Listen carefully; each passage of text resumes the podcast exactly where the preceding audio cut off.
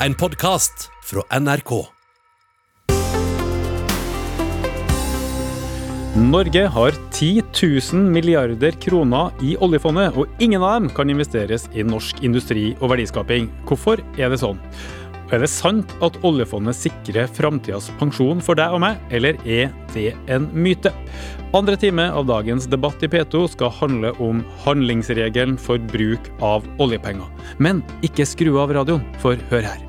Den regelen har konsekvenser for ditt liv. Hvis du ønsker et bedre lokalsykehus, kan handlingsregelen si nei. Hvis du vil ha bedre barnehager, kan handlingsregelen si nei. Men ikke hvis du vil pumpe opp enda mer olje og gass. Visste du at investeringene i olje er unntatt fra handlingsregelen? Den nærmeste timen spør Manifest Media og meg, programleder Magnus Marsdal, også om denne 20 år gamle regelen er utdatert, nå som Norge må investere stort i det grønne industriskiftet. Vi skal få med fire økonomer til å diskutere det, men først gir vi ordet til folk flest. Hva er handlingsregelen?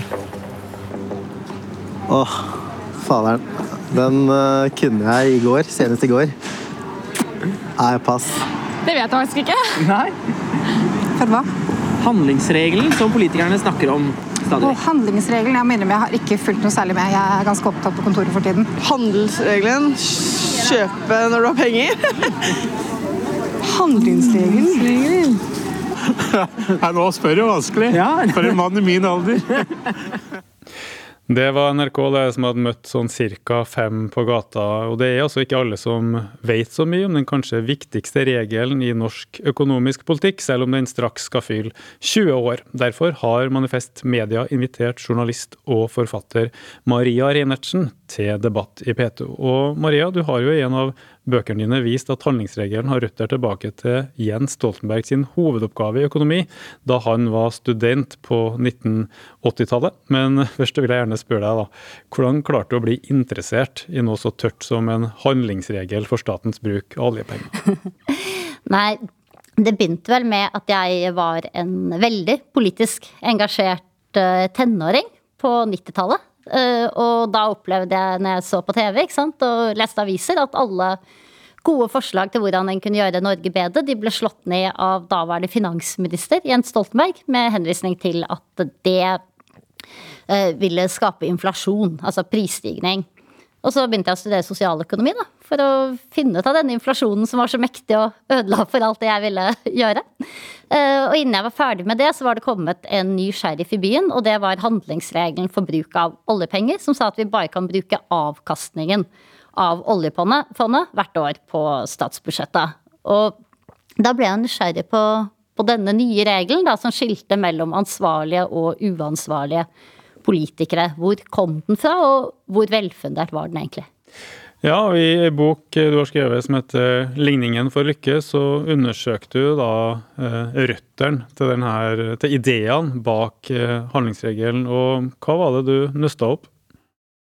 Nei, det jeg fant, det var jo, som du var inne på, da, at dette er noe som går tilbake. Altså dette, dette er Tenkningen rundt handlingsregelen den finner du ganske langt tilbake, da, i hvert fall på 80-tallet, i, i norske økonommiljøer. Og det handler da om at man skal eh, bruk, Altså ideen om å bruke avkastningen av oljepengene, ikke, ikke selve Ikke bruke opp liksom selve eh, formuen, om å unngå det som heter hollandsk syke, som da handler om at du ikke skal bruke så mye oljepenger til å ansette folk i f.eks. offentlig sektor.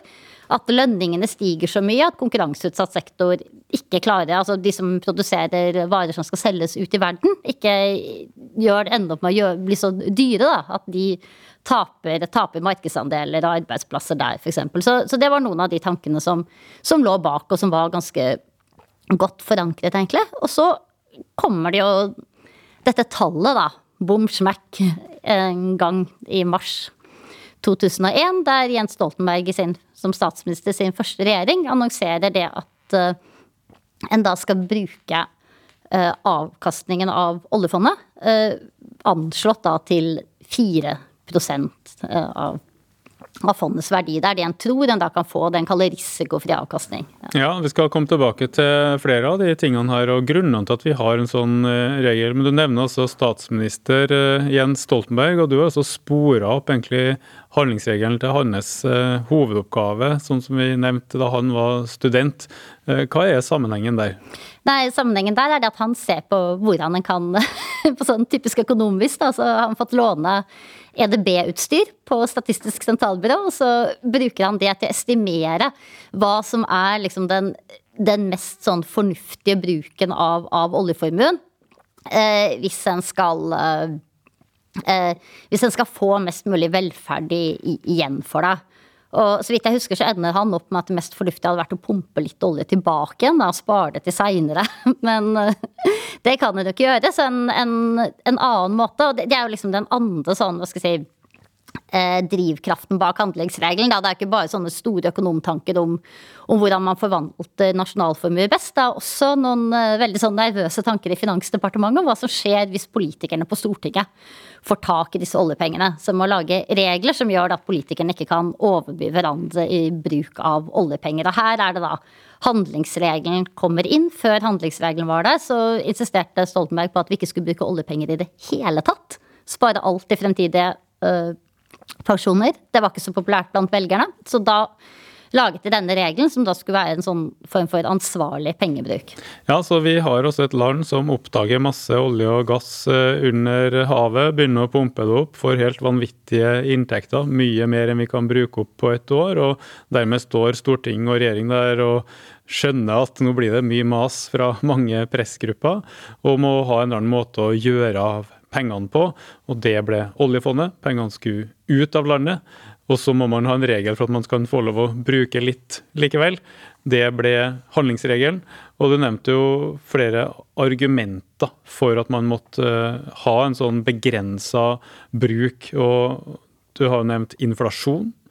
Eh, hva er sammenhengen der? Hvorfor blir det inflasjon, altså raskt stigende priser, av at man eh, pøser oljepenger eh, inn i økonomien på ulike måter, f.eks. ut til fylker, kommuner, skattelette eller annet som gjør at det blir masse penger ut der. Hvorfor blir det inflasjon av det? Nei, det er jo fordi at hvis kommunene får disse pengene, så bruker de dem sikkert til å ansette flere lærere, ikke sant. Da må de by opp lønningene til lærerne for å få dem til å skifte fra de jobbene de, de har i dag. Uh, og så da stiger lønningene, ikke sant. Og det er jo da det som gir oss prisstigning. Ja, hvis du da uh, da må, da, må, sant, da må, utelivsbransjen da svare, eller andre som vil ha arbeidstakere, med å by opp sine, sine lønninger. Og så har du det gående da, ikke sant. Når lønnen til hun som jobber på restauranten er høyere, så blir også prisen du må betale for et måltid der høyere. Vi snakker altså med journalist Maria Reinertsen om hvorfor vi har en sånn handlingsregel, som er kanskje den viktigste regelen som styrer over den politikken vi prøver å å ha et demokrati på her i Norge. da. Og Når vi snakker om inflasjon, så, så ser jeg liksom for meg at du har hvis du har 5,5 millioner folk i Norge, da, eh, og de aller fleste i arbeidsfør alder jobber, og så bare tømmer du masse penger ned på dem, så kommer ikke noen flere hender i arbeid, men det blir flere penger, så lønna går opp, sånn som du snakka om. Ja, og der er du inne på en, et viktig poeng, ikke sant. Fordi at uh, hvis det er sånn at det er fullt av arbeidsledige lærere i kommunene, så er det kanskje ikke så nødvendig å by opp lønningene for å, for å få dem i jobb, ikke sant. Så ja, så Hvis man mangler arbeidsplasser, folk går ledig, det er ubrukte ressurser, så kan pengene komme mer til nytte. da kunne man se for seg. Da kan du i hvert fall få da, da, da, vil du få med økt produksjon også, ikke sant. Ikke bare økt prisstigning når du liksom flytter arbeidstakere fra én jobb til en, en, annen. Det samme er med arbeidsinnvandring. ikke sant. Når du kan hente arbeidskraft utenfra, så kan du også få mer jobb gjort for pengene og mindre prisstigning. Det her ser jeg for meg som en litt sånn kortsiktig begrunnelse for en uh, handlingsregel for hvor mye penger du kan pøse inn. At du ikke vil ha masse inflasjon eller at lønna blir for høy og vi taper konkurransekraft osv. Men jeg forbinder jo like mye med noe veldig langsiktig, nemlig å spare til framtidige generasjoner. Og, bevare oljeformuen for framtida. Uh, stemmer det at det var et viktig argument uh, da man innførte en regel? Altså det det inflasjonsargumentet og det spare til eh, fremtidige pensjoner-argumentet, det, det, har vært litt sånn opp og ned hva som har vært i front. Det inflasjonsargumentet var veldig viktig da det ble innført. Og så har dette, ettersom inflasjonen ble lavere og lavere, så det, det ikke var så mye å være redd for, så har man jo vært, blitt mer og mer opptatt av å snakke om fremtidige pensjoner. Og til og med døpt over oljefondet ikke sant, til Statens pensjonsfond uh, utland. Eh, så, så Ja, og den regelen her som eh, bestemmer over deg og meg og lytterne der hjemme, fordi den setter grenser for hva de folkevalgte som vi stemmer fram, kan gjøre og ikke kan gjøre med pengene som staten får inn fra olje og gass. Eh, vi skal gå litt inn på hva som ligger i handlingsregelen, altså hva er det den bestemmer over. Eh, vi får inn penger fra olje og gass, enten fordi staten eier eller får masse skatt. Hvor skal vi gjøre av dem, ifølge reglementet?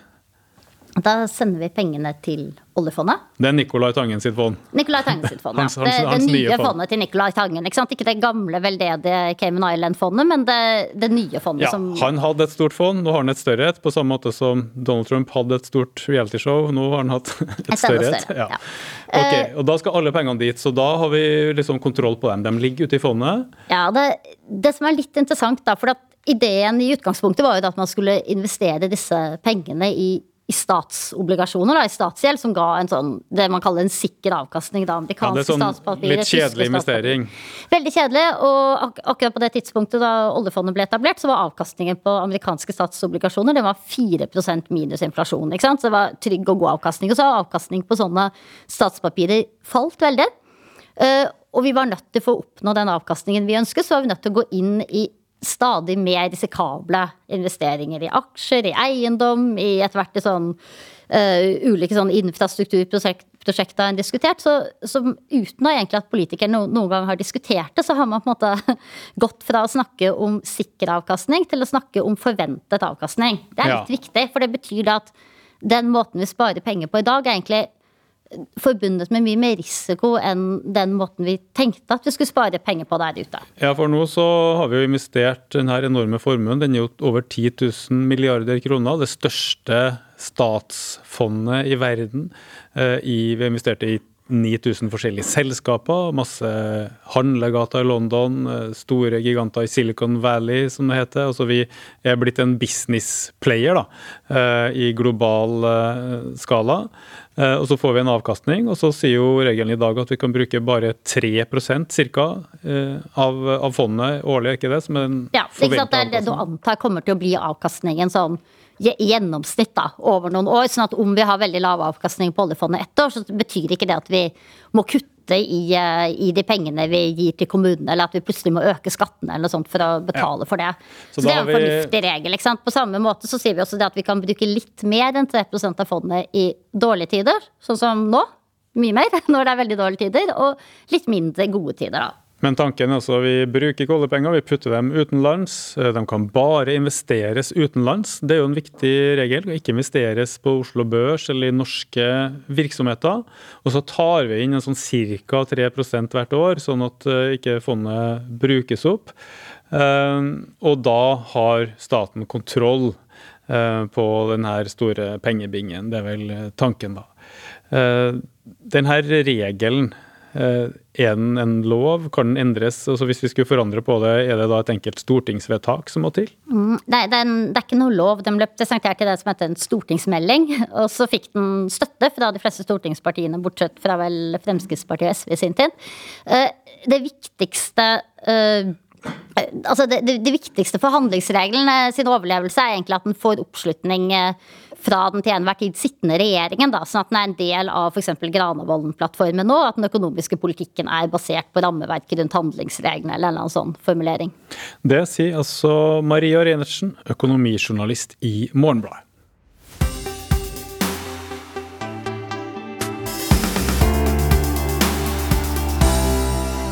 Du hører på Debatt i P2, der vi i Manifest Tankesmie gir deg inside information om den berømte og litt mystiske handlingsregelen for bruk av oljepenger. Sikrer den økonomien for framtidige generasjoner, eller står den tvert imot i veien for at vi kan investere i de grønne næringene som framtidas generasjoner må leve av? Vi skal faktisk få med fire økonomer i løpet av en liten time. Nesten fem, fordi du er vel både samfunnsøkonom og bedriftsøkonom, Erik Reinert? Ja, jeg er vel det. Og, og det jeg lærte som siviløkonom siviløkonom på Harvard Business School, var veldig forskjellig fra det jeg lærte som uh, da jeg tok min doktorgrad i økonomi. Så du kan vel egentlig si at med de to perspektivene så er jeg såpass schizofren at du kan telle meg som to. Ja, det er det jeg lurer på. skjønner du. Erik Reinert ble internasjonalt kjent for boka 'How Rich Countries Got Rich and Why Poor Countries Stay Poor' for drøye ti år siden. Han ble i år utnevnt til æresprofessor ved University College London, og er en ganske frittalende type, så det liker jo vi her i Manifest Tankesmie.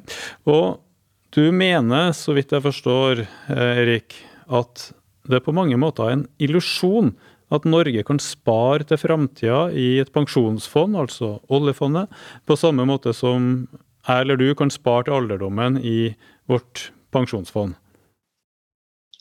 Ja, Først og fremst vil jeg jo si at dette var så mye penger som kom plutselig, at det var veldig godt å ta en ansvarlig, uh, ha en ansvarlig politikk som lå bak.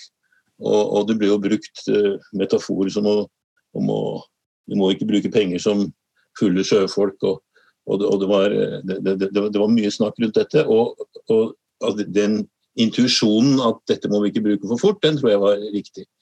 Men, men eh, så er liksom problemet at forskjellen på en enkeltperson og eh, en nasjon er at en enkeltperson kan spare til man skal gå av med pensjon. Eh, men land går jo ikke av med pensjon, så, så her haltet dette her. Og eh, dette var noe som ble uttrykt veldig klart av Ragnar Frisch, som var en veldig stor norsk økonom, som også delte den aller første nobelprisen i økonomi. Og han sier veldig klart i en bok i 1947 at sparing eh, for et enkeltindivid og sparing for en nasjon er så to, to så forskjellige ting at vi egentlig burde ha to forskjellige begreper. Ellers blir det bare forvirring. Og så sier han at en nasjon kan utelukkende spare gjennom produktive foranstaltninger. Og, ja, det, Vi kan her... komme inn på hva det betyr. Jeg tenker at det virker jo veldig innlysende på en måte at når jeg blir gammel og går av med pensjon, så kan jeg spare til alderdommen og ha et fond eller en pensjon å trekke på da, og så forsvinner jeg jo. Men det gjør jo verken staten eller nasjonen Norge. Så når denne nobelpristypen Frisch snakker om å spare til framtida for hele landet, da, eh, det du kalte en produktiv foranstaltning, hva er det? Hvordan kan vi spare til framtidige generasjoner hvis det ikke er å, å ha et sånt privat pensjonsfond? Ja, eh, Det er jo da å investere eh, i ting som gjør at arbeidsplassene i Norge til enhver tid er teknologisk oppgradert. At man at man eh, investerer i ny teknologi. Eh, at man ikke nødvendigvis er fornøyd med det komparative fortrinn som det heter i økonomifaget, som man til enhver tid måtte ha. Og, og dette, var, eh, dette var alminnelig kensiansk sunn fornuft. Og jeg opplever også i utlandet at når jeg snakker med andre økonomer, at i Tyskland f.eks. at den ideen om at vi ikke kan investere i vårt eget land, den syns de er veldig fremmed. Så, så, ja, for det, det, det, interessante her blir jo kanskje det at uh, den enorme formuen på 10 000 milliarder, som også er voksne, som nå er plassert i oljefondet, den investerer jo utelukkende utenlands. Og vi snakker, vi kaller jo det å spare til framtidige generasjoner og at det framtidas pensjoner i noen grad kan betales av det fondet, har jo politikerne snakka om. Mens hvis man tar fra fondet, som det heter, og putter pengene i Norge, eller hvis man hadde foreslått å, å investere da, eh, mange milliarder i noen norske prosjekter, så blir jo det kalt å ta fra framtidige generasjoner. Det sier nå i hvert fall journalistene. Hvis du tar noe ut av oljefondet, så tar du fra framtida. Eh, er det det her som skurrer for deg? Det skurrer eh, altså Jeg har jobbet mye med utviklingsøkonomi. Og, og eh, når kapital forlater eh, fattige land, når kapitalistene tar kapitalen ut av fattige land, så heter det kapitalflukt. Så på en måte er jo da, hvis man ser på det fra et utviklingslandssynspunkt, så er oljefondet verdens best organiserte kapitalflukt. Og, og, og, noe av dette er riktig, men, men, men, jeg tror vi har eh, drevet det for langt. Og, og nå er vi i en kontekst hvor, hvor, vi, eh, hvor, vi, er nødt til å eh, hvor vi er nødt til å investere det i, for verdiskapning i, i, i, Norge. Jeg er helt enig med uh, Marias fortelling om hvordan dette ble til. Men det ble til i en spesiell kontekst, og den konteksten var også en nyliberalistisk idé. Margaret Thatcher kom til makten i 79, Reagan i 80. Og, og, og, og, dette at man skulle overlate alt til markedet, og at staten skulle være veldig passiv, det var veldig moderne da Stoltenberg kom med den ideen. Men eh, mitt poeng er at dette blir stadig mindre moderne. Og, dette ser man i, i, i IMF, man ser det i EU, man ser det blant amerikanske politikere. At eh, ideen om at staten faktisk eh, bør spille en rolle, den er på vei tilbake. og det, Derfor tror jeg eh, at eh, vi kan få til dette i Norge også. At, at, man, eh, at ideologien skifter. Vel, vel, da får, vi, da får vi også skifte med. For det er en grunn til at ideologien skifter. Og du mener, så vidt jeg skjønner, Reinert, at når vi forsøker å hamstre til framtida i oljefondet til Nicolai Tangen, så tenker vi bare finansielt, men Norge må også tenke industrielt. Hva er egentlig forskjellen på de to tingene der? Hva er finansielt, og hva er industrielt? Eh, altså Folk av min generasjon husker kanskje uh, pengegaloppen og, og, og, mannen som døde av slag da han mistet en tiøring. Altså, dette var en mann som hamstret penger. Eh, og eh, hvis man Man kan til og med hamstre litt mer avansert. Man kan tjene penger på at ting som allerede eksisterer, går opp i pris. Så man kan skaffe seg eiendom i London og vente på at prisen på den eiendommen skal gå opp. Men så er det en annen måte å tjene penger på, og det er å produsere eh, nye ting. Og, og, særlig da ting med ny teknologi. Så, så, så, det, så det, er dette skillet her at hvis vi, hvis vi, hvis vi skal fra steinalderen og inn i bronsealderen, så tjener vi ikke pengene på og, og, og, at prisen på bolighuler går opp. Vi tjener pengene på å investere i bronseteknologi. Så finansielt, altså det, det å sitte med verdipapirer i utlandet, enten det er en eiendom, en aksje i Facebook f.eks., og så går kursen opp, og da har vi økt formuen. Mens industrielt, det å bygge ut den norske vannkrafta til fabrikker, det å bygge ut Nordsjøen og lage industri rundt det, eller nye grønne industrinæringer der vi bruker, investerer penger i dag for å ha arbeidsplasser i, i morgen. Eh, men henger ikke de tingene her sammen? da? Må man ikke ha Eh, finans for å bygge industri? Jo, og finanssektoren ble jo da av tidligere økonomer som Keynes sett på som en bro i tid. At, at, du driver en fabrikk, og så trenger du penger til 50 år, eh, en ny bygning for 50 år, vel, så går du til finanssektoren. Men eh, og, og, når vi har en finanskrise, så går vel finanssektoren konkurs. Og det var jo noe det som skjedde som var problemet med den forrige finanskrisen, eh, var at de prosjektene som ikke eh, som burde gått konkurs, de fikk ikke, de fikk ikke gjort det. og Isteden så begynte man da med å, å, trykke opp flere penger. Så, så vi har et, et, slags misforhold nå mellom realøkonomien og finansøkonomien. Så realøkonomien, hva er det? det er... Realøkonomien er produksjon av varer og tjenester. Det er, det er eh, Eh, alle tjenester og alle varer som produseres. Mm. Og det har da en, en motpol i penger. Uh, altså, det er bare, rett og slett bare forskjellen på penger og det du kan kjøpe for penger. Ja, Så vi har veldig masse penger i det såkalte finansmarkedet. Alle fondene, store summer som flyr rundt verden hele tida. Og der er jo oljefondet med og kjøper jo ulike verdipapirer. Vi hadde, en, vi hadde en konferanse i Oslo i 2008 hvor, hvor vi hadde Financial Times sjefsøkonom Martin Wolff her. Og, og, han eh, var enig i den analysen at egentlig så var eh, dette var midt i finanskrisen, så var det norske oljefondet en del av eh, denne finansøkonomien som var i ferd med å bli for stor. Men når du snakker om at vi kanskje burde uh, legge om kursen litt, investere mer i Norge, uh, komme inn i det grønne industriskiftet, skape bærekraftige arbeidsplasser.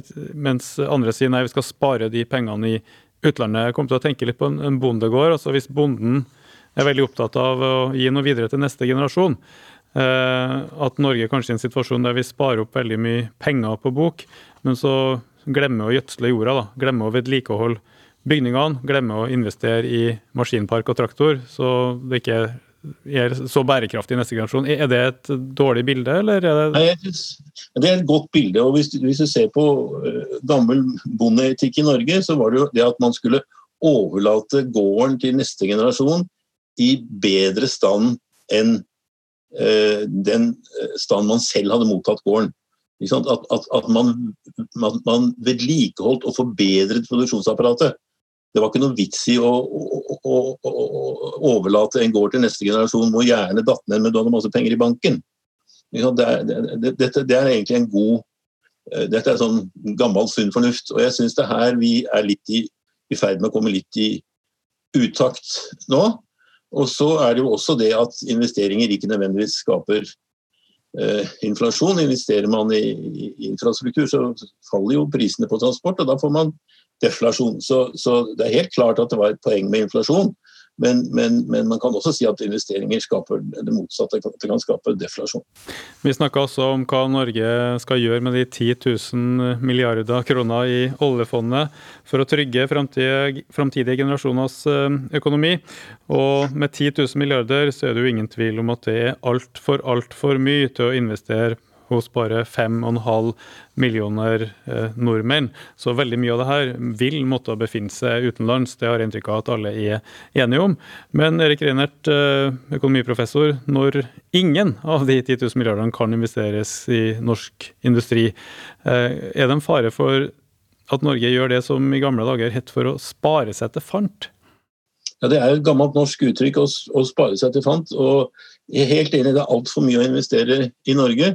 Eh, men eh, eh, å ikke investere i Norge begynner å, å, å, bli farlig, særlig i den teknologiske situasjonen vi er med, med oljen. Og, og, og, når vi da også kan bruke disse pengene til noe som er nyttig for resten av verden, nemlig en overgang til, til grønn energi, som vi ikke akkurat vet hva vil være, og hvor mye som vil være vind, og hvor mye som vil være jordenergi, og hvor mye som vil være solenergi. Dette vet vi ikke, så vi er liksom nødt til å, å, å, å kaste penger etter eh, eh, mange ulike teknologier. Og, eh, og det, det, vet alle som driver med teknologi, at det er veldig uforutsigelig eh, det hele.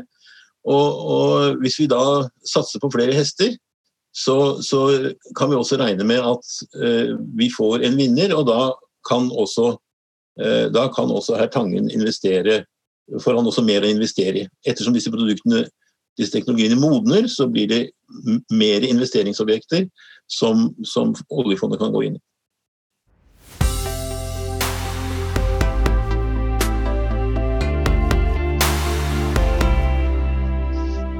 I dagens debatt i P2 diskuterer vi nå i den andre timen eh, det norske oljefondet på 10 000 milliarder og handlingsregelen for hvordan vi best kan ta vare på og delvis investere og bruke de midlene som vi har henta opp fra Nordsjøen. Og fra professor Erik Reinert skal vi videre til dagens yngste økonom. Hei igjen, Jonas Algers. Hallo, hallo. Noen lyttere kjenner igjen Jonas fra da vi snakka om grønn industri som redninga for en oljetung norsk økonomi i første time av dagens sending. Og Jonas, jeg forstår jo det sånn at du tenker handlingsregelen som vi snakker om eh, nå, kan komme i veien for det grønne industriskiftet som alle snakker om at Norge må få fart på. Og før vi snakker om hvordan den kan stå i veien, den der handlingsregelen, hva er det grønne industriskiftet? Ja, altså Norsk ekonomi drivs just nu av en mycket stor, eh, kraftfull motor som är petroleumsindustrin. Eh, och den driver då som sagt ekonomin framåt eftersom det skapar arbetsplatser, innovation, köpkraft i hela ekonomin och i hela landet. Eh, problemet är ju att den här har ett bäst före-datum och kan inte vara för evigt. Och samtidigt så kommer ju hela världen efterfråga någonting i, i stor utsträckning och lång tid framöver, det vill säga grön teknologi. Eh, och eh, den här eh, motorn kan man säga, det är en liten motor som redan finns i norsk ekonomi, men den är väldigt liten och inte så kraftfull. Och den här måste bli större då, och, och kan bara bli det om det kommer på plass en ambitiøs økonomisk politikk. Altså at vi har masse arbeidere i dag som jobber med å bygge oljeplattformer f.eks., som kan bygge flytende havvind eh, i morgen. Men det er bare det at nå har de den oljejobben, folk tjener penger på den, og vi er litt oljefast i en næring som eh, går ut på dato. Eh, hvordan kommer vi oss fra det ene til det andre? Ja, altså, jeg tror vi snakker om ganske store investeringer da, i den grön teknologi og i å skapa de eh, arbeidsplassene og, og eh, den industriutvecklingen där. Ja, altså Investering, bare så vi har med oss alle lytterne på det. Å investere det er jo noe annet enn å bruke forbruket. Investere det er vel å sette nye ressurser i sving, bygge nytt, eh, forske fram noe nytt, eh, etablere en fabrikk, forbedre teknologien. Altså en slags innsats i dag som, som øker vår effektivitet i morgen. Eh, er det sånn cirka riktig? Ja, det, det er presis. ja. riktig. Så da, å investere er altså hvordan vi eh, rigger oss for framtida. Og så har jo du vist meg at investeringene i olje og gass har vært eh, ekstremt dominerende. De har vært fem ganger så høy som investeringene i all annen industri. Uh, og så kommer de der olje- og gassinvesteringene til å gå masse ned. Så den kan forsvinne 60 milliarder i året. Eller hvis vi har en litt strammere klimapolitikk, kanskje over 100 milliarder i året som forsvinner. Uh, aktivitet som ikke blir satt i gang. Og Det tenker jo veldig mange nå på som et stort problem for norsk økonomi, men du ser det også som en mulighet. Uh, fortell litt om det. Jo, altså Investeringene har ikke bare en kvantitet utan også en retning. Setter en retning på økonomien, som sagt. Og Når investeringene i petroleum faller innebærer det at norsk økonomi kommer få en ny retning basert på de nye investeringer som görs. Här skapas därför en, en möjlighet för att ge norsk ekonomi en ordentlig push eh, mot att inte bara skapa eh, eh jobb och innovation utan också att producera eh, den gröna omställningen som världen behöver och att placera sig då strategiskt inom eh, kraftigt växande marknader som till exempel danskarna gjorde med bottenfast havvind. Eh, eh, och så kan ju Norge också göra med till exempel flytande havvind eller utsläppsfri skeppsfart och ja. så vidare. Og da snakker vi jo om eh, mange titalls milliarder som forsvinner investeringer i petroleum, men da også enorme summer som må eh, inn på andre sida hvis det skal erstattes med en, eh, en grønn motor, så vidt jeg skjønner liksom din tenkning. Og da nærmer vi oss handlingsregelen igjen. Fordi du snakker jo om i det her utredningsarbeidet til Grønn industri 21 at, at staten kanskje må inn og ta ansvar for en del store investeringer. Uh, og det kan jo da stange mot handlingsregelen. Men først da det med staten. Hvorfor bør staten inn på banen? Er det ikke privat sektor som driver business i Norge? Eh, jo, altså staten har jo den fordelen at staten kan ta på seg veldig mye eh, risk og, eh, eh, som et, en privat aktør kanskje ikke er like villig å gjøre. Staten kan være mye mer långsiktig, måtte ikke ta helt fullständig hänsyn till kortsiktiga avkastningskrav utan kan ha en mycket mer långsiktigt perspektiv på på ekonomisk utveckling. Da mener du det at å få gang de her nye næringene, er det et eller som er det langsiktig, er det risikofylt? Ja, det, alltså, det är ju eh, väldigt stor osäkerhet i de gröna teknologier eh, och då innebär det att man måste kanske ha en slags portfölj eh, det vill säga att satsa på flera, inte lägga alla ägg i en korg så att säga. Och det, där är ju staten väldigt gott positionerad. Vi ser jo landene rundt oss, Tyskland, Storbritannia, for ikke snakke om Kina, som har blitt en gigant innen grønn industriutvikling, solceller og andre ting at statene i økende grad gjør nettopp det du snakker om, å, å sette i gang svære investeringsprosjekter for å drive fram grønn, eh, grønn industri. Eh, hvordan ser det ut i, i, Norge per nå? Eh, kan vi gjøre det, eller vil det stange i denne handlingsregelen som sier at staten ikke kan ta opp lån, ikke kan bruke noe særlig oljepenger? Ja, altså det kan ju absolut göra det. Eh, staten är ju redan en eh, stor investor i eh, petroleum med stora bruttoinvesteringar. Staten har investerat, om man tar hänsyn till inflation, kanske 20 milliarder och uppåt sedan 1985. Så hvert årlig investering som staten selv gjør i å få opp olje og gass? Exakt. Og det, det setter jo en viss retning, og det her er ju så det nuvarande regelverket fungerar.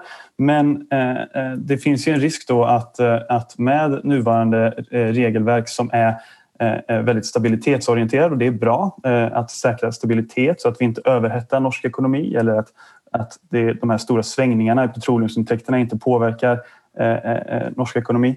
Um, att, men, men, och det, det, är ju bra, men vi behöver ju nu en, en dynamik här där vi skiftar spår. Och det är jag inte helt säker på att handlingsregeln 1.0 tar hänsyn til. Så det kanskje behøves en handlingsregel 2.0. Ja, for å utdype det, jeg forstår sånn at du sier den handlingsregelen skal sikre stabilitet, stø kurs, ikke noe forandring, ikke noen brå skifter. Men så står vi i en situasjon der vi skal bytte ut vektmotoren i norsk industri og trenger dynamikk, forandring, altså nettopp noen brå skifter. Er det det som er liksom motsetningsparet her? Exakt, det er precis det jeg mener. Ja, øh, men hva skal vi gjøre, da? Vi trenger jo handlingsregelen for å sikre stabilitet. Uh, og så trenger vi endring, store investeringer. Uh, kan vi bare skrote denne uh, regelen, som har sørga for at Norge har håndtert store petroleumsinntekter bedre enn de fleste andre land? Nei, det tror jeg ikke. Jeg tror, som mange andre har sagt her, at det vore dumt å bare kaste ut det, det, det gamle. Det fins viktige effekter av det. Men, men så istället kanskje vi borde se på, kan man ändra eh, regeln, ha en ny regel som ser till att vi kan få den här eh, eh, dynamiken i norsk økonomi. At vi kan faktisk investere då, i grønn industriutvikling samtidig, så at vi kan accelerera den, den grønne vekstmotoren i norsk økonomi samtidig som vi faser ut då, den fossildrivne. Det sier altså økonom Jonas Algers fra Manifest Tankesmie, som jobber sammen med Mariana Mazzucato og hennes team ved University College London på ei utredning som heter The Green Giant ny industripolitikk for Norge. Et prosjekt du kan lese mer om på industri21.no.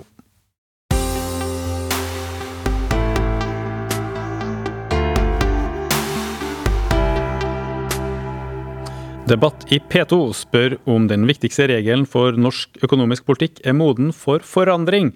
Eh, og siste økonom ut i vårt ekspertpanel panel satt faktisk i regjeringas ekspertutvalg som utreda praktiseringa av nettopp handlingsregelen i 2015. Velkommen til oss, NTNU-professor Knut Anton Mork. Du er kanskje ikke så kritisk til ideen om at vi sparer til framtida gjennom å investere oljefondet i andre lands bedrifter, og ikke i Norge, som Erik Reinert var her tidligere? Eh, nei, slett ikke. Jeg tror eh, Hvis vi skulle åpne opp for at eh, fondet skulle investere store penger i Norge, så vil det egentlig koke ned til at alle pengene kunne bli brukt opp med en gang. Og vi setter disse pengene til side, investerer det i utlandet. Og jeg vil ikke som Erik Reinert ha dette kan jeg si, romantiske skillet mellom eh, finansøkonomi og industriøkonomi. Eh, når vi kjøper aksjer, så er det for å sprøyte inn kapital i verdiskaping. Enten det er industri eller tjenesteyting. Kjøper vi obligasjoner, så er det til det samme. Eh, så det vi gjør, er å sette det til side, slik at vi ikke bruker alt på én gang. Men har da mulighet til å bruke det mer over tid. Og riktignok skal ikke Norge gå av med pensjon, men det vi får mulighet til gjennom denne konstruksjonen, er at vi på permanent basis faktisk kan bruke litt mer enn det, de verdiene vi skaper her i Norge. Det er en veldig privilegert situasjon å være i. Og vi kan importere mer i framtida enn vi ellers ville ha gjort. Vi Nett, jo... Nettopp, det er, det, det er det, å si med samme ord det jeg nettopp sa. Ja, det det er jo sånn at Å importere er jo egentlig å bytte varer eller tjenester. Vi har hatt veldig masse olje og gass eh, under Nordsjøen som vi har sendt ut til utlandet. Men i stedet for å bytte til oss masse banan, og vaskemaskin og bil og PC med en gang, så har vi utsatt eh, noe av den byttinga, siden vi vet at oljeinntektene er bare midlertidige. Det er de, og vi får håpe at de blir mest mulig midlertidige. De bør slutte, etter min mening, snarest mulig. Ja, for du tenker at vi må ha et grønt skifte i norsk økonomi, og at klimasaken gjør at det er fornuftig å trappe ned det som har vært den viktigste vekstmotoren, særlig for investeringer og industriutvikling? Trusselen med global oppvarming er virkelig overhengende, og det er jo slett ikke bare for oss, det er for hele verden. Eh, og nå har vi en næring i Norge som er vår viktigste, som vi tjener mange penger på, men som skader verden veldig, eh, veldig betydelig. Vi kan ikke lenger, se lenger tilbake enn på tobakksindustrien, som det også var store penger å, spare, å tjene på i sin tid, men som vi likevel som verdenssamfunn la ned. for de ikke ville ha sånt lenger. Vi skal gå videre inn med professor Knut Anton Mork på spørsmålet om eh, hva vi kan gjøre for å erstatte den her fossile motoren som eh, holder på å gå ut på dato i norsk økonomi. Men først må jeg bare ta det her med framtidas pensjon, for vi har jo frista lytterne med det spørsmålet er det sant at oljefondet finansierer vår framtidige pensjon. Jeg kikka litt på det som heter nasjonalformuen, altså den totale ressursen vi har liksom for framtida, og da utgjør jo finanskapital eh, bare 8 det, Oljefondet er jo en del av det. Mens eh, innbyggerne, arbeidskrafta, vi som kan stå opp om morgenen og gå på jobb, utgjør 75% av eh, nasjonalformuen, det vi skal leve av i framtida. Eh, da kan det vel nesten ikke være sånn at det er den der lille biten som, som betaler pensjonen. Er det ikke vår felles arbeidsinnsats som først og fremst vil finansiere folketrygden også i framtida? Nei, nå er jeg litt forsiktig med sånne tallfestinger som det der, men mer generelt. Dette oljefondet, som da offisielt heter Statens pensjonsfond utland, har faktisk ingenting med pensjoner, eh, statens pensjonsforpliktelser å gjøre i det hele tatt. Mm. Eh, det er bare et navn som har blitt satt på den. Eh, og Finansdepartementet regner nå stadig i sine perspektivmeldinger på langsiktig eh, framskriving av statens finanser. Og svaret er der at hvis vi fortsetter som nå, med dagens regler og bruker av oljepengene som vi gjør i dag, så vil vi om 40 år ha eh, penger for lite til pensjoner, som tilsvarer 5% av BNP. Så det er på ingen måte slik at dette sikrer pensjonene våre. Du, Knut Anton Mork, har påpekt at det finnes et gedigent unntak fra handlingsregelen som kanskje de færreste lytterne er klar over, nemlig statens investeringer i olje- og gassutvinning. Og Stemmer det virkelig at når staten investerer 20 eller 50 milliarder kroner Eh, på et år i oljeutvinning, så regnes ikke det inn i den totale pengebruken som handlingsregelen er ment å begrense. Nei, det gjør ikke det. Og grunnen til det er at de investeringene går inn i stedet som en fradragspost i det som kalles statens netto kontantstrøm fra oljevirksomheten. Eh, så staten betaler der ut fordi staten er med på å eie oljeressurser. Eh, det er en måte å beskatte på, rett og slett. Eh, så, så det kommer da inn før vi eh, regner ut statens nettoinntekt, kalt den nettokontantstrøm, fra oljevirksomheten, som da settes i fondet. Og så etter det begynner vi da å regne på, på statens bruk av oljepenger. Det her er jo det kall det regnskapstekniske. Jeg tenker Realiteten handler vel om at når staten bruker ressurser og setter ingeniører og andre i sving, og sånn sett da kanskje driver opp lønnene, så skaper aktivitet, mulig inflasjonspress, så kan den bare forsyne seg så mye den vil, så lenge det er olje og gass. Ingen begrensning i handlingsregelen. Mens eh, andre virksomheter som staten vil, eh, vil, bidra til, må holde seg innenfor den ressursen som er igjen da, innenfor handlingsregelen ja, For å forstå dette må vi tenke tilbake på ja, nesten 40 år tilbake. Eh, noe som het eh, Tempoutvalget, som seinere sentralbanksjef eh, eh, Skånland eh, var med å lede. Eh, den gangen var bekymringa om at hvis vi pumpa opp olje for, for, fort, så ville vi få for mange inntekter og bruke det, og det vil skape inflasjon, så vi måtte dempe utvinningstakten. Eh, men så sa oljeselskapene da får vi ikke effektivt brukt uh, oljeressursene. Så sa dette tempoutvalget ok, la oljeselskapene drive som de vil, uh, men la oss sette et lokk på bruk av pengene. Slik vi fikk, fikk vi fondet, og slik vi, fikk vi også den inndelinga som du nevner nå, med over og under streken med, med oljeinvesteringene. Et annet eksempel her, som jeg syns er mye mer dagsrelevant, er at den tiltakspakka som oljeindustrien fikk av Stortinget nå i sommer, eh, det innebærer betydelig eh, kutt i statens inntekter, men det går også under streken. Ja, Så det regnes ikke med som liksom, pengebruk eh, etter den handlingsregelen sånn som den praktiseres. Nei. Men uh, det er nå uansett sånn da, at uh, det finnes noen unntak for det å investere i olje- og gassvirksomhet som gjør at det på en måte er litt prioritert eller privilegert. Uh, og det høres jo ikke ut som god klimapolitikk for meg, men det er kanskje god økonomisk politikk for Norge? Eh, hvis olje og gass ikke hadde hatt noen klimavirkninger, så hadde ikke jeg hatt noen problemer med den politikken. Problemet er jo at de har det. Ja, og i forlengelsen av at de har klimavirkninger, så kan det jo også være at det ikke er økonomisk bærekraftig, fordi verden ikke vil ha olje og gass på samme måte om 50 år som de vil i dag. Eh, det, det har du nok også gjerne et poeng i. Eh, at det, Særlig når jeg tenker på den tiltakspakka som har kommet nå, det er redd skal være begynnelsen på en fortsettelse som eh, betyr at vi prøver å holde liv i den næringa mer enn den egentlig er liv laga. Vi risikerer jo kanskje da å bli oljefast for lenge, og at liksom, toget går litt ifra de her økonomiske musklene våre som finnes i kompetente ingeniører, fagarbeidere, sterke industri- teknologimiljøer. Og vi hørte jo nå nylig Jonas Algers, som jobber med grønn industri for oss i Manifest Tankesmie, snakke om at kanskje staten må bidra med store investeringer for å få bytta ut den her oljefaste, fossile vekstmotoren med en grønnere vekstmotor. Eh, hva tenker du om den strategien? Eh, jeg tror at det kreves betydelige investeringer for omstilling til et lavutslipps- eller utslippsfritt samfunn.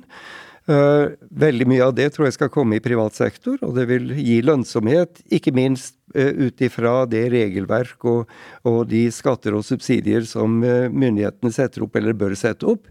I tillegg tror jeg det kommer betydelig behov for offentlige investeringer, forskning og utvikling.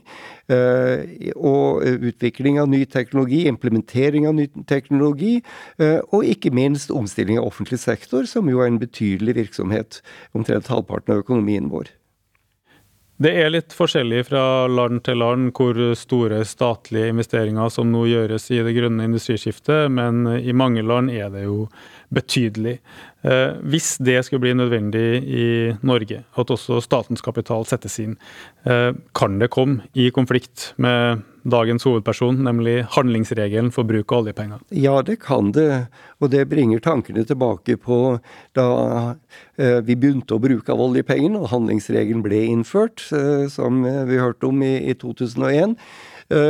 Eh, at eh, vi da, mange så da på at de mente de hadde et store etterslep av offentlige investeringer, som det da burde bli penger til, men det ble da holdt nede pga. den handlingsregelen. Det syns jeg var en, en, rimelig kritikk, og jeg føler det er en svakhet med handlingsregelen.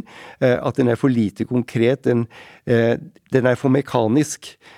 Den, den, ser ikke på hva de konkrete behovene i dag er. Eh, er ikke villig til å se på hva vi kan gjøre i gjennomsnitt over tid, i stedet for å bare si fast hvert år. Men la meg nå føye til, Norge er ikke alene om å ha disse problemene. Det er ikke bare fordi vi har en handlingsregel. Andre land har også grenser på hva, kan, hva staten har anledning til å reise kapital for å foreta slike investeringer. Det er et felles problem vi alle har. Men nå kan vi jo få en situasjon der vi på den ene sida eh, har en økonomi som er for oljefast. Det vi først og fremst eksporterer, går ut på dato og har dessuten store klimakonsekvenser, som du har vært inne på. Mens vi på den andre sida har en eh, handlingsregel som ikke bare begrenser statens uh, mulighet for å Den kan jo ikke ta opp lån, den kan ikke bruke så mye oljepenger, kan ikke investere i enorm skala, men som også har full oppslutning fra så å si et samla storting. Og da har vi jo altså et dilemma. og hvordan kan vi løse det? For det første skal vi ikke overdrive dilemmaet. For med et fond på eh, 10 000 milliarder, så kan vi bruke 300 milliarder av det. Men de er jo allerede brukt opp i statsbudsjettet? Eh, det er et problem, ja. I budsjettet som er foreslått for neste år, så kommer allikevel en hel fjerdedel av budsjettet fra denne kilden. Så det er ikke slik at dette binder så altfor mye. Problemet er heller at vi har bundet oss opp i altfor mye annet, slik at vi ikke har penger til de investeringene vi trenger å gjøre nå. Så, så, din plan kunne ha vært å kutte massivt i velferdsstaten i stedet det, for? Det, det syns jeg bør vurderes som et alternativ til å endre på handlingsregelen nå. Ikke det at jeg holder handlingsregelen for hellig. Det, det, kan godt være at vi trenger å gjøre unntak i et, et år eller to, eller tre eller fire.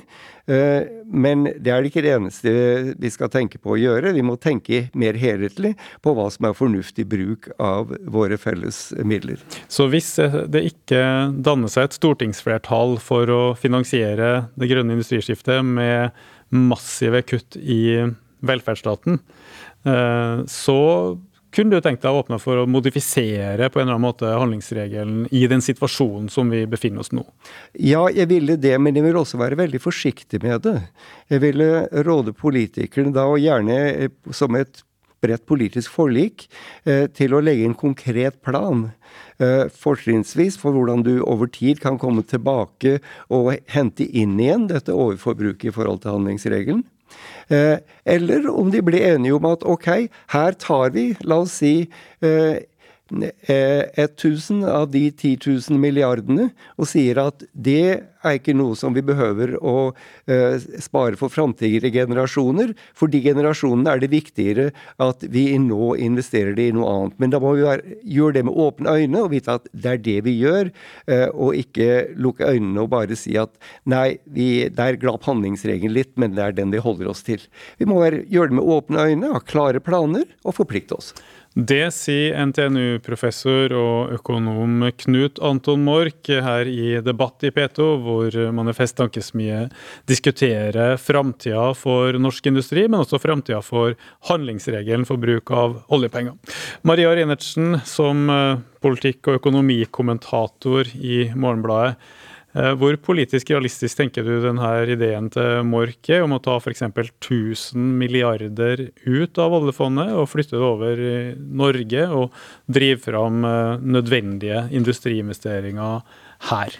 Nå skal jeg slå beinet litt under programmet ditt, Magnus.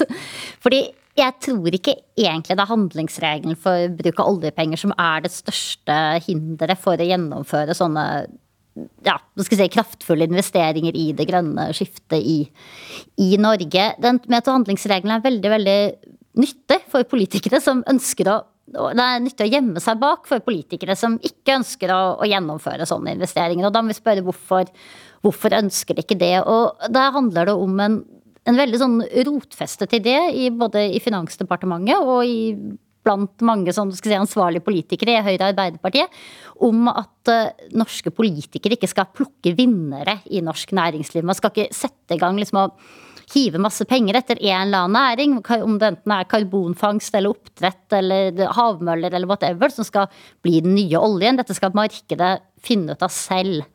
Uh, så jeg tror at eh, hvis man ønsker å gjennomføre et sånt grønt skifte, og bruke mer penger på det enn en gjør i dag, så må man liksom klare å komme seg forbi den, den bøygen. I så fall tror jeg man, man vil kunne praktisere handlingsregelen ganske fleksibelt for å bruke de pengene. Altså jeg forstår deg sånn at Når du sier at eh, politikerne eh, liker å, å skylde på handlingsregelen, så sier du at det egentlig ikke er denne regelen det står på, det er et spørsmål om politisk vilje. Ja, og politisk oppfatning av er dette, er dette klokt eller ikke. Så, så mitt forslag hvis du skal komme deg videre her, det er jo å, å ta utgangspunkt da, i den koronakrisepakken, f.eks. som Knut Anton Mork nevnte her, som da er beregnet å utløse 100 milliarder i investeringer fra oljeindustrien. Kunne man, eh, kunne man stilt det spørsmålet gjennom en eh, norsk offentlig utredning, NOU f.eks., som gjerne er som man får ting til å skje i Norge. Hva slags politikk skal til for å utløse samme like mye, da, 100 milliarder privatinvesteringer i Norge i, i det grønne skiftet. Uh, og da så er det vi finner ut det at ja, du må kanskje trikse litt med handlingsregelen, du må bruke mer penger, men du må også dra inn penger fra oljeindustrien på et eller annet vis. ikke sant? Du kan ikke, du kan ikke fortsette å ha, gjøre det like attraktivt å investere i, uh, i olje. Og sannsynligvis vil du oppdage at du sparer noen penger der. Det sier økonom og journalist i Morgenbladet Maria Reinertsen. Vi har også med oss Erik Reinert. Intet slektskap der, antar jeg, selv om navnene ligner. Eh, Reinert, er du enig med det som blir sagt der, at eh, denne regelen vi snakker om, kanskje ikke er det store problemet, men rett og slett den politiske viljen til store statlige investeringer i et industriskifte? Ja, som jeg var inne på, så eh, er, ligger jo noe ideologi bak der. Og, og, og, det interessante er jo nå at den ideologien at staten ikke skal engasjere seg, den ryker veldig mange steder. Den ryker i IMF og den ryker rundt omkring. Og, og jeg er helt enig med, med, med Maria at, at, dette her er noe som politikerne kan gjemme seg bak. Og, og, og, det er en veldig vanskelig debatt. Jeg er helt enig med Mark om det. Eh, men, men jeg tror vi skal være klar over at vi har på en måte laget en hellig ku. Og, og når, eh, og, den ble laget i en kontekst. Den handlingsregelen skjedde i en politisk og økonomisk kontekst. Eh, og så plutselig endrer konteksten seg, sånn som den gjorde med covid. Altså når, når kontekster endrer seg, kan vi da også endre på planer som ble lagt i en helt annen kontekst. Og, og, og jeg oppfatter at Mork også er på glid. Og det gjelder jo veldig mye å, å, å, å, uttrykke seg forsiktig, og da kan jeg kanskje være den som uttrykker meg litt mindre forsiktig. Men jeg tror, jeg tror nok at, at, at det går i denne retningen. Da kan vi kanskje en dag få se en handlingsregelen 2.0 tilpassa det grønne industriskiftet. Det var det vi rakk i dagens debatt i P2. Vi håper du ble litt klokere både på det grønne skiftet Norge må gjennom, og hvordan den viktige handlingsregelen kan eller ikke kan stå i veien for det. Manifest Media takker økonomene Maria Reinertsen, Erik Reinert, Jonas Algers og Knut Anton Mork. Programleder og leder for Manifest Tankesmie er Magnus Marshall, produsent Ingrid Wergeland.